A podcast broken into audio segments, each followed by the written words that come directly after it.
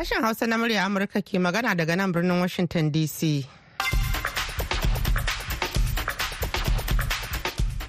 Masu sauraron mu Assalamu alaikum barkanmu da asuba. Sunana Hauwa Sharif tare nake da Muhammad Hafiz Baballe da sauran abokan aiki muke farin cikin kasancewa da ku a wannan shirin na asubahin yau Laraba shi ga watan Disamba shekarar 2023. Kafin ku ji abubuwan da muke tafi da su ga Muhammad da kanin labarai. Firaministan Isra'ila Benjamin Netanyahu ya bayyana a jiya talata cewa yana da cikakken goyon bayan Amurka ga haran da ƙasar Yahudawa ke kaiwa ta ƙasa a Gaza kan mayaƙan Hamas.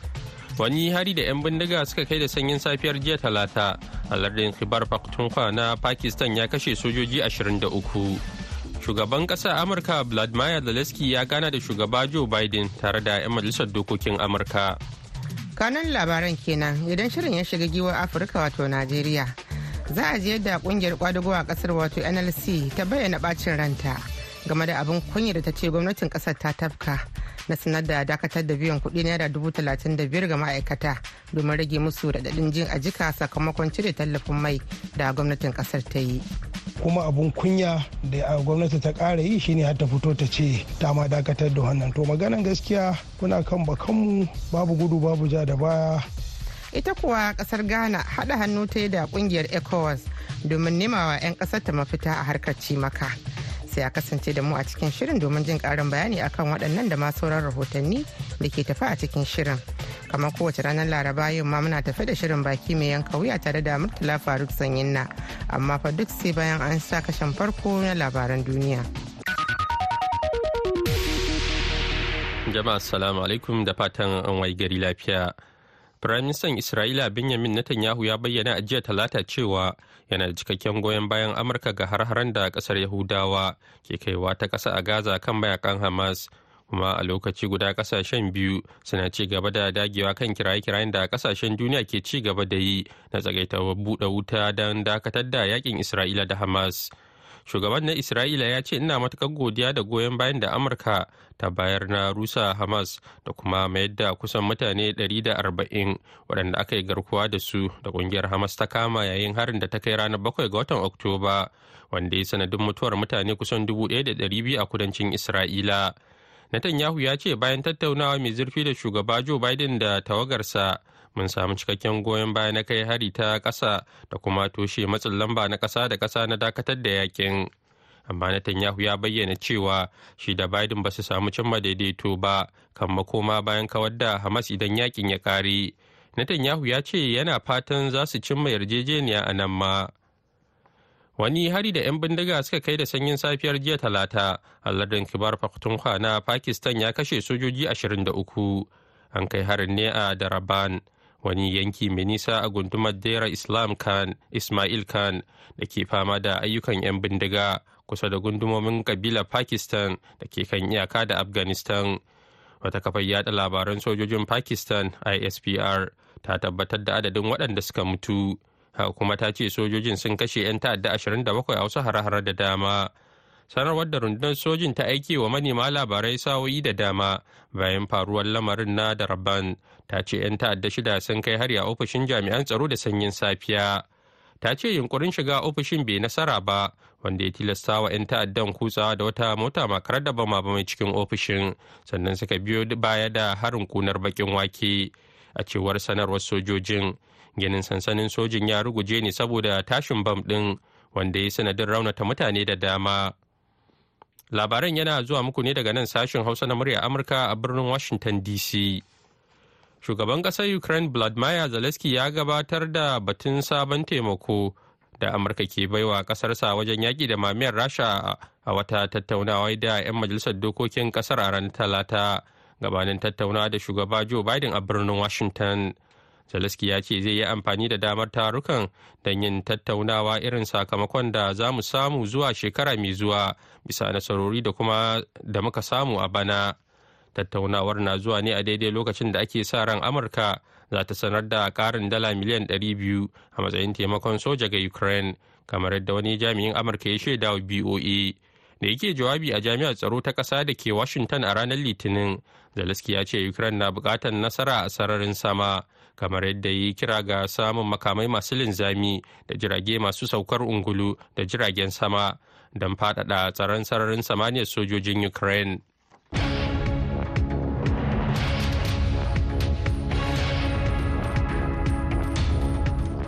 An jima kaɗan muhammad zai sake shigowa da ci gaban labaran duniya.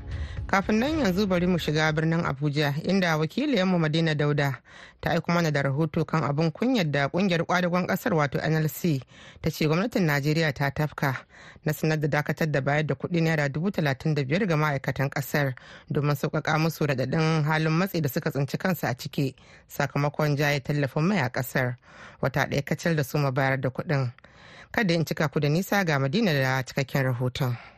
Ƙungiyar ƙwadago ta yi barazanar sake tsunduma yajin aikin ne bayan gwamnatin tarayya ta dakatar da biyan ma'aikatanta kuɗaɗen rage raɗaɗin cire tallafin bayan ma'aikatan sun karɓi na wata ɗaya kacal. Wani abu da shugaban fannin tsare-tsare na ƙungiyar ƙwadago ta ƙasa, Comrade Nasiru Kabir, ya tsokaci a kai. Mun samu wannan sanarwa inda kuma bai ma shugabannin ƙungiyoyin nan daɗi ba mu dama mun faɗa tun a fari ko wannan dubu talatin da biyar ɗin nan na ƙari ne kawai na rage raɗaɗi amma mu ba mu yadda da shi akan matsayin ma ƙarin albashi ba. Kuma magana ta gaskiya a hakan ma ai muna kan korafi ne dan ba mu amince ba. Kuma abun kunya da gwamnati ta ƙara yi shine har ta fito ta ce ta ma dakatar da wannan. To maganan gaskiya muna kan bakanmu babu gudu babu ja da baya. Za mu kirawo 'ya'yan wannan ƙungiya a ɗauki kuma tsatsauran matakai. Tun da dama shi wannan yajin aiki mun jingine ne ba wai mun yanke ba ne. Saboda haka ƙungiyar kwadago ba za ta zuba ido ana zaluntar al'umma a mu yi shiru muna kallo ba. A ita wannan gwamnatin dukkan dama na ta gyara kurakuranta mun bata babu wani kuma maganganu da za su gaya mutane na zaƙin baki da za mu saurari su. Saboda haka ƙungiyar kwadago tana nan daram kuma muna shirin ɗaukan matakai da suka dace na lallai lallai. Karin kuma albashin nan sai an kai shi sama da naira dubu ɗari biyu kamar yadda muka ayyana. Muna nan kuma daram a kan bakanmu babu gudu babu ja da baya. Shugaban muryar talaka a Damaturu jihar Yobe, Sale Bakuro Sabon Fegi, ya mayar wa ƙungiyar kwadago da martani cewa a wannan ina ganin cewa kamar sun yi kitso ne da kwarkwata sakamakon cewa babu wata ƙasa mara take biyan mafi ƙarancin albashi naira dubu ɗari uku. Ya kamata dai a yi abin da zai yiwu a yi kuma abin da ya dace. Idan aka yi la'akari a ƙasar ba wai ma'aikata ne kaɗai suka fi wayanda ba sa aiki yawa ba. Wayanda ba sa aiki sun fi wayanda suke aiki yawa. To idan aka ƙara wa ma'aikata su kuma wayanda ba sa aiki fa tun da dai wannan raɗaɗin cire tallafin man fetur ɗin ya shafi kowaye a ƙasar nan. Ƙarin albashi ba laifi ba ne ƙwarai da gaskiya na buƙatan karin albashi amma dai maganan gaskiya naira har dubu ɗari uku ba abu ne wanda zai yiwu ba da kuma ba abu ne kuma wanda hankali zai ɗauka ba ya kamata ita ma ƙungiyar kwadago da ta tuc kuma ta je ta zauna a teburin shawara ta duba ta yi tunanin ta nutsu ta duba ta ga yanayin yadda ƙasar yake. ita kuwa wata lauya mai zaman kanta a nan babban birnin tarayyar najeriya fatima abubakar ta koka ne kan matakin da ƙungiyar ta ce za ta ɗauka. wannan zanga-zanga da 'yan kwadago suke ƙoƙarin aiwatarwa mu mun gaji da zanga-zanga saboda zanga-zanga nan da suke yi dai baya hana gwamnati ta ɗauki mataki ko ta aikata abin da take son ta aikata. Kuma daga ƙarshe shi talaka shine yake ƙarshe shine yake shan wahala. Saboda duk sanda gwamnati za ta kira su a zo a zauna a rufe ƙofa a yi taro a ce a yi cece ku ce daga ƙarshe ba za mu san me ake ciki ba. Abin da kawai muke so a samu maslaha a samu hanya mafi sauƙi yanda za a shawo kan wayannan al'amura. Wata sanarwa da kakakin akanta janar na tarayya bawa makwa ya fitar na cewa gwamnati tana ƙoƙarin biyan ma'aikatan nan ba da jimawa ba. Madina Dauda, muryar Amurka daga Abuja, Najeriya. An gaida Madina Dauda da wannan rahoto. Ana tare ne da sashen Hausa na murya Amurka a birnin Washington DC ga Muhammad ya sake shigowa da kashi biyu na labaran duniya. Tun bayan ƙwace mulki da Taliban ta yi Afghanistan a shekarar 2021 sashen kula da lafiyar jama'a na ƙasar da ke tangal-tangal yayin da ƙungiyoyin agaji na ƙasashen waje suka shiga don biyan ma'aikatan lafiya da kula da asibitoci da cibiyoyin kiwon lafiya na cikin gida. Tattalin arzikin ƙasar ya dogara ga masu ba da taimako ya shiga cikin rudani yana ƙoƙarin rugujewa yayin da masu ba da taimako na ƙasashen waje suka yanke duk wani taimako na ci gaba suka kuma kakaba takunkumi ga hukumomin taliban. Kwamitin ƙasa da ƙasa na ƙungiyar agaji ta red cross ko icrc ya biya ƙarin albashi ga likitoci da malaman jinya da ma'aikata sama da dubu goma a asibitoci 33 da ke hidima ga mutane miliyan 26 a faɗin afghanistan. Kakakin icrc diago alcantara ya shaida biyo cewa an kuma biya kuɗaɗen magunguna da sauran kayayyakin jinya da kuma kuɗaɗen gudanar da asibiti kamar wutar lantarki da motocin ɗaukar marasa lafiya da gwaje-gwaje a ɗakin gwaji da abinci ga marasa lafiya. Daga ƙarshe gwamnatin ƙasar finland ta faɗa a jiya talata cewa za ta sake buɗe bi daga cikin mashigar kan iyaka guda takwas da ke kan iyakarta da ƙasar rasha mai tsawon kilomita 1,340 a baya dai gwamnatin ƙasar ta rufe dukkan mashigar kan iyakokin ƙasar guda takwas sakamakon kwararar bakin haure da ke shiga ƙasar ta rasha. Finland ta ba da rahoton cewa ta karɓi kusan bakin haure dubu ɗaya daga watan agusta zuwa ƙarshen nuwamba lokacin da ƙasar ta rufe kan iyakarta yayin da wasu 900 suka isa a cikin watan nuwamba kaɗai inda suka karu daga yadda aka saba na ƙarancin bakin haure da ke zuwa kowace rana ba tare da wargaza takunkumin ba. Ba za mu iya tabbatar da ko ana samun sauyi mai kyau ba inda lamarin ya ci idan lamarin ya ci gaba za mu rufe waɗannan mashigogin da ake tsallaka iyaka kamar yadda prime minister peter opo ya faɗa a jiya talata a wani taron manema labarai.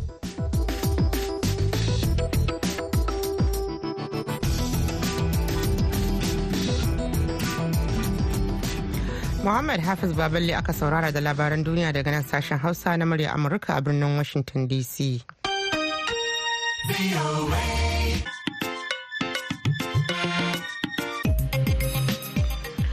Har yanzu dai muna afirka ta yamma wannan karan a ghana inda gwamnatin ƙasar ta ghana da haɗin gwiwa ƙungiyar haɗin kan tattalin arzikin ƙasashen afirka ta yamma ecowas da ma bankin duniya suka dukufa wajen sama al'ummar ta mafita a harkar cimaka.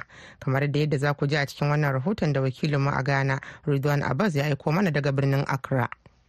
Tun a shekara ta 2019 matsalan wadatar abinci ya zama kikikaka a dalilin mummunan tasirin yaduwar cutar COVID-19 da yaƙin Rasha da Ukraine da kuma uwa uba tasirin canjin yanayi akan aikin gona. Gwamnati ta ma'aikatar ministar abinci da aikin gona a bisa kaɗin gwiwa da ƙungiyar tattalin arzikin ƙasashen Afirka ta yamma ECOWAS. A Ghana daga masu cin gajiyar shirin dubu uku shirin na kwararan saduwa da manoma dubu metan da hamsin kanana da matsakaita da ke sarrafan shinkafa masara da waken soya da kuma kiwon kaji tare da mai da hankali musamman kan matasa da mata marasa galiu da yake magana a wurin kaddamar da shirin a birnin kumasi mai kurɗa da shirin usai wasu ajiman ya yi shimfiɗa game da tsarin shirin ya ce.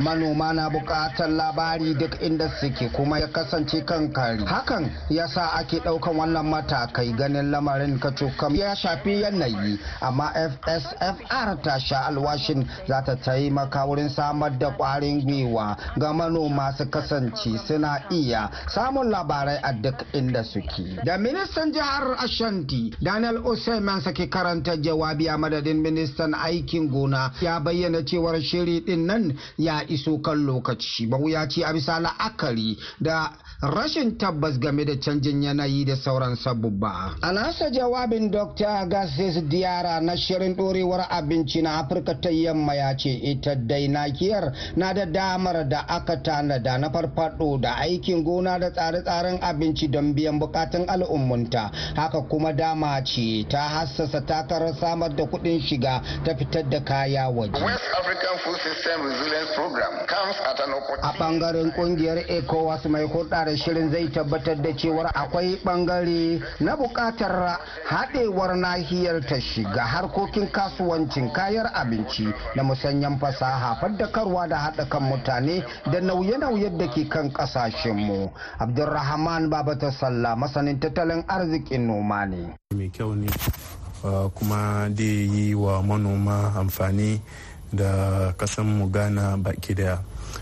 ina ji wanga program ya yi amfani mai muhimmanci ta hanyar batun value chains aka yi batun value chains ana batun um, uh, from production uh, to you know kamin kai ga waɗanda kuma da su ci abincin wato isa ana ana batun wani short abbreviation f to f from farm to fork kenan sannan na ji wanga program ya taimaka wa wato manoma ta hanyar samun input masu kyau wannan da dai tafiyar da wato shuke-shukensu da ya kawo cin gaba kuma ya kawo musu uh, wadatan arziki na kuɗi da kwanciyar hankali da abinci mai kyau.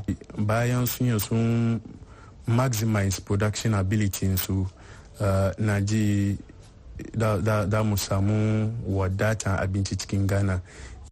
Sa ido dai da kuma haɗa ƙarfi da ƙarfi game da kula da lalacewar sha'anin abinci a afirka ta yamma ya haɗu dangogi da ƙungiyoyi na manoma daga gundumomi daban-daban cikin jihar ashanti da kuma ƙasashen ƙetare. Radwan allah muktar abbas sashen kausa na muryar amurka accra ghana. An gaida rubon abbas. Jama'a kadda a shafa ana sauraron shirin ne daga nan birnin washington dc akan mitoci 1625 da kuma 31 a jamhuriyar niger za a iya sauraron mu a tashar mata voa africa akan mita 200.5 baya ga haka a duk da aka yi ra'ayi za a iya zuwa shafukanmu na intanet a voahausa.com ko kuma sashen hausa.com yanzu sai a gyara zama a saurari shirinmu na gaba. Baki mai yanka wuya.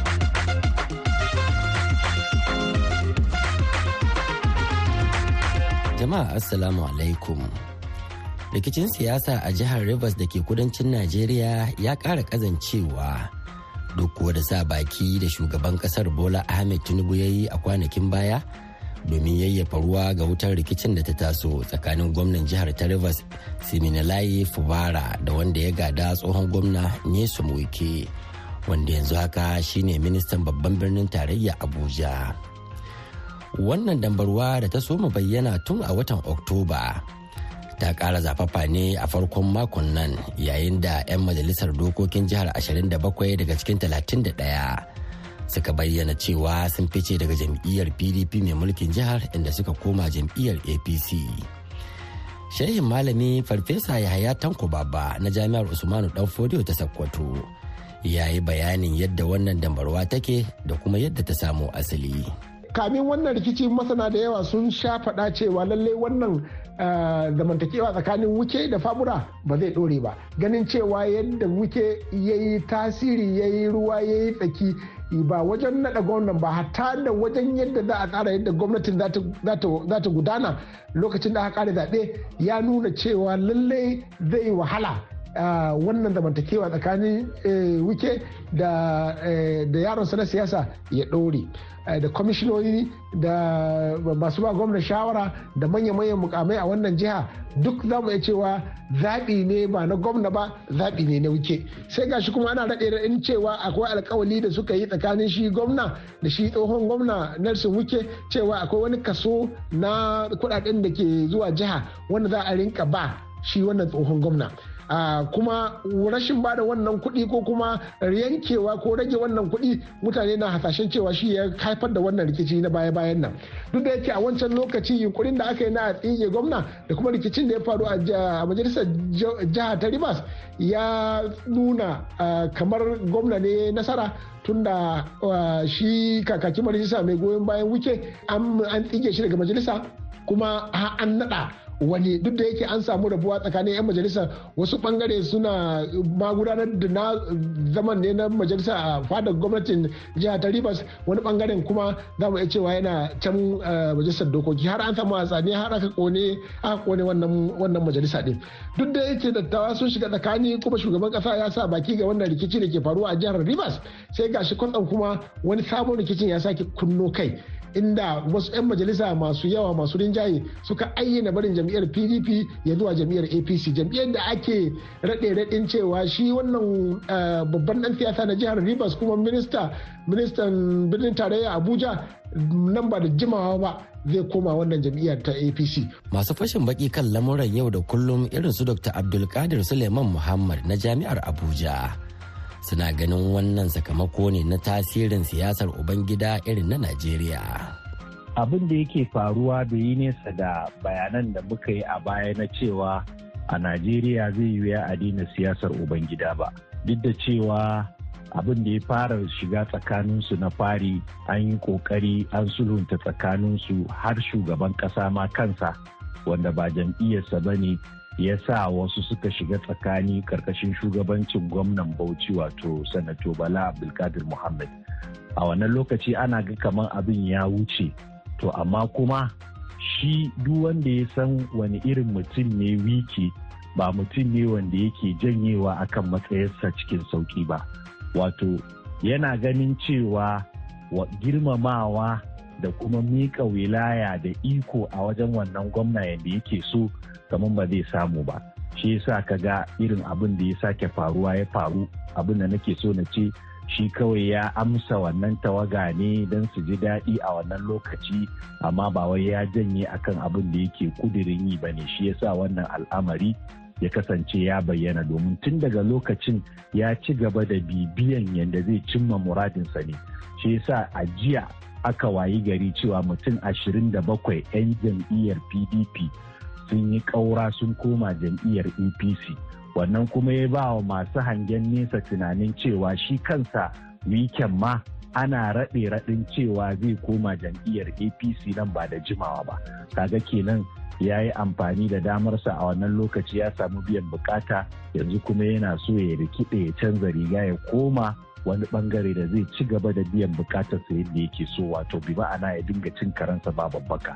To irin wannan siyasa da take faruwa a jihar rivers kamar kuma yadda ta faru a wasu jihohi da kuma ma inda zai faru a wasu jihohi irin waɗannan su ke kawo wa demokuraɗiyya a najeriya tarnaki. Wanda daga ƙarshe abubuwan ma suke sukan iya zuwa su lalace gaba ɗaya kowa kuma ya dinga da na sani da nadamar abin da ya aikata. To ko mai masana ke hasashe dangane da wannan dambarwar siyasar ta jihar Rivers?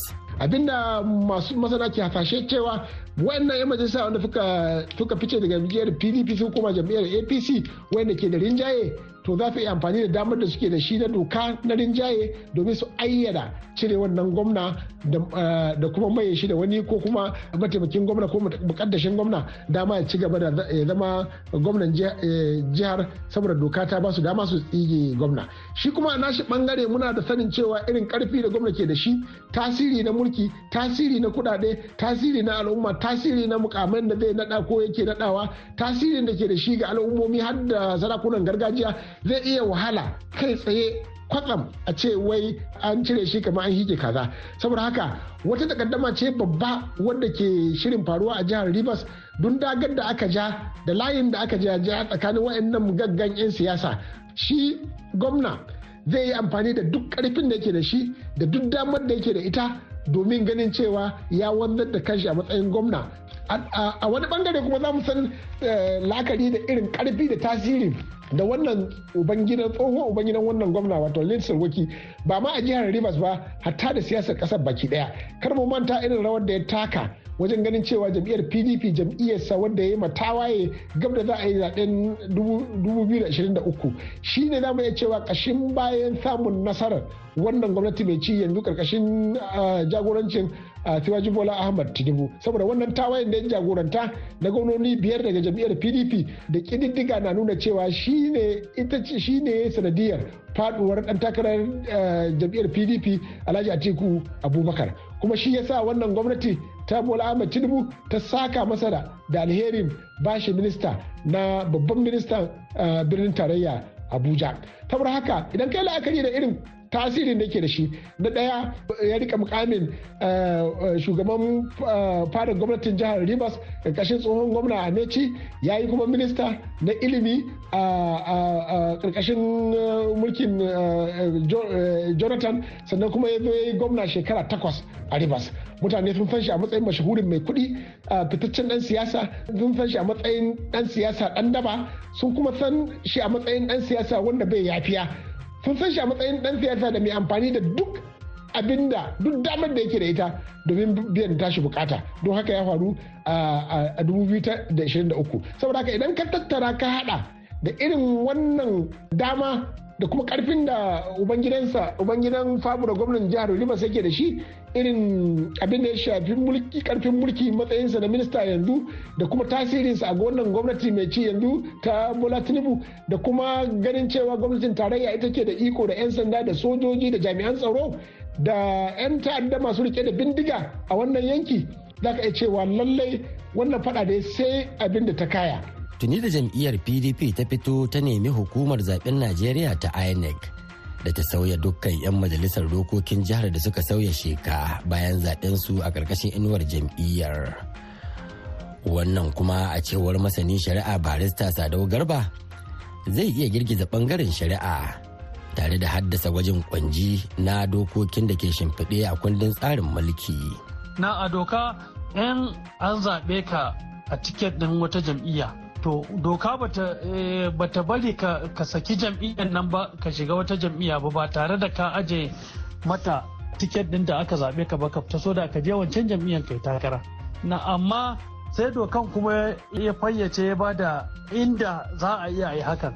Shine in a misali an sa in jam'iyyar ba zaman lafiya ta rabu biyu kowane dan jam'iyya yana da dama ya amfani da wannan dama ya ce akwai gingimu ko akwai rigima an rabu biyu a jami'a saboda haka yana da wannan dama doka ta ba shi dama ya fita ya sake jami'a ba tare da ya aje tiketin ɗin kujeran shi ba.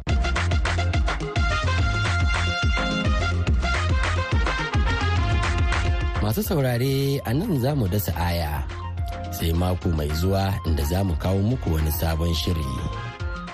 Godiya ga wakilin sashen hausa lamido abubakar.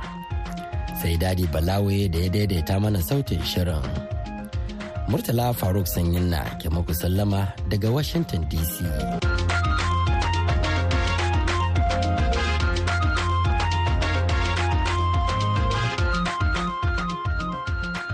madalla an gaida dan mutan san inna masu sauraro da nan kuma wato a nan muka zo ga shirinmu na ƙarshe wato labarai a taƙaice.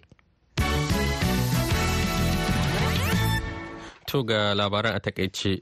Firaministan Isra'ila Benjamin Netanyahu ya bayyana a jiya talata cewa yana da cikakken goyon bayan Amurka ga hare-haren da ƙasar Yahudawa ke kaiwa ta ƙasa a Gaza kan mayaƙan Hamas. Kuma a lokaci guda ƙasashen biyu suna ci gaba da dagewa kan kiraye-kirayen da ƙasashen duniya ke ci gaba da yi na tsakaita buɗe wuta don dakatar da yaƙin Isra'ila da Hamas. Wani hari da 'yan bindiga suka kai da sanyin safiyar jiya talata a lardin kibar pakhtunkhwa na pakistan ya kashe sojoji 23 an kai harin ne a dabran wani yanki mai nisa a gundumar dera ismail khan da ke fama da ayyukan 'yan bindiga kusa da gundumomin kabilun pakistan da ke kan iyaka da afghanistan. Shugaban ƙasar ukraine vladimir zelensky ya gabatar da batun sabon taimakon da amurka ke baiwa ƙasarsa wajen yaƙi da mamayar rasha a wata tattaunawa da ya da 'yan majalisar dokokin ƙasar a ranar talata gabanin tattaunawa da shugaba biden a birnin washington zelensky ya ce zai yi amfani da damar tarurrukan don yin tattaunawa irin sakamakon da za su iya samu zuwa shekara mai zuwa bisa nasarori da muka samu a bana. Tun bayan ƙwace mulki da taliban ta yi a afghanistan a shekarar 2021 sashen kula da lafiyar jama'a na ƙasar yake tangal-tangal yayin da ƙungiyoyin agaji na ƙasashen waje suka shiga don biyan ma'aikatan lafiya da kula da asibitoci da cibiyoyin kiwon lafiya na cikin gida. Tattalin arzikin ƙasar da ya dogara ga masu ba da taimako ya shiga cikin rudani yana ƙoƙarin rugujewa yayin da masu ba da taimako na ƙasashen waje suka yanke duk wani taimako na ci gaba suka kuma kagaba takunkumi ga hukumomin taliban. Gwamnatin ƙasar finland ta faɗa a jiya talata cewa za ta sake buɗe bi daga cikin mashigar kan iyaka guda takwas da ke kan iyakarta da ƙasar rasha mai tsawon kilomita 1340 a baya dai gwamnatin ƙasar ta rufe dukkan mashigar kan iyakokin ƙasar guda takwas sakamakon kwararar bakin haure da ke shiga ƙasar ta rasha. To masu sauraro baki ɗaya a nan za mu naɗe tabarmar shirin na wannan lokacin. Sai kuma an jima da hantsi idan Allah ya kai mu ƙarfe 8 agogon Najeriya Nijar kamar da caji wato ƙarfe 7 agogon GMT da Ghana. Za a ji mu ɗauke da wani sabon shiri. Yanzu a madadin dukkan waɗanda suka ba da gudunmawa har shirin ya muku kamar yadda kuka ji shi. Musamman Muhammad Hafiz Babala da ya taya ni gabatar da shirin. Da wanda ya tsara shirin ya kuma ba da umarni Dadi Balawe sai injiniyan mu na yanzu Mr. Charleston ni da na shirya na gabatar hawa sharif ke muku fata alheri daga nan washington dc sai an ji ku da hantsi idan allah ya kai mu.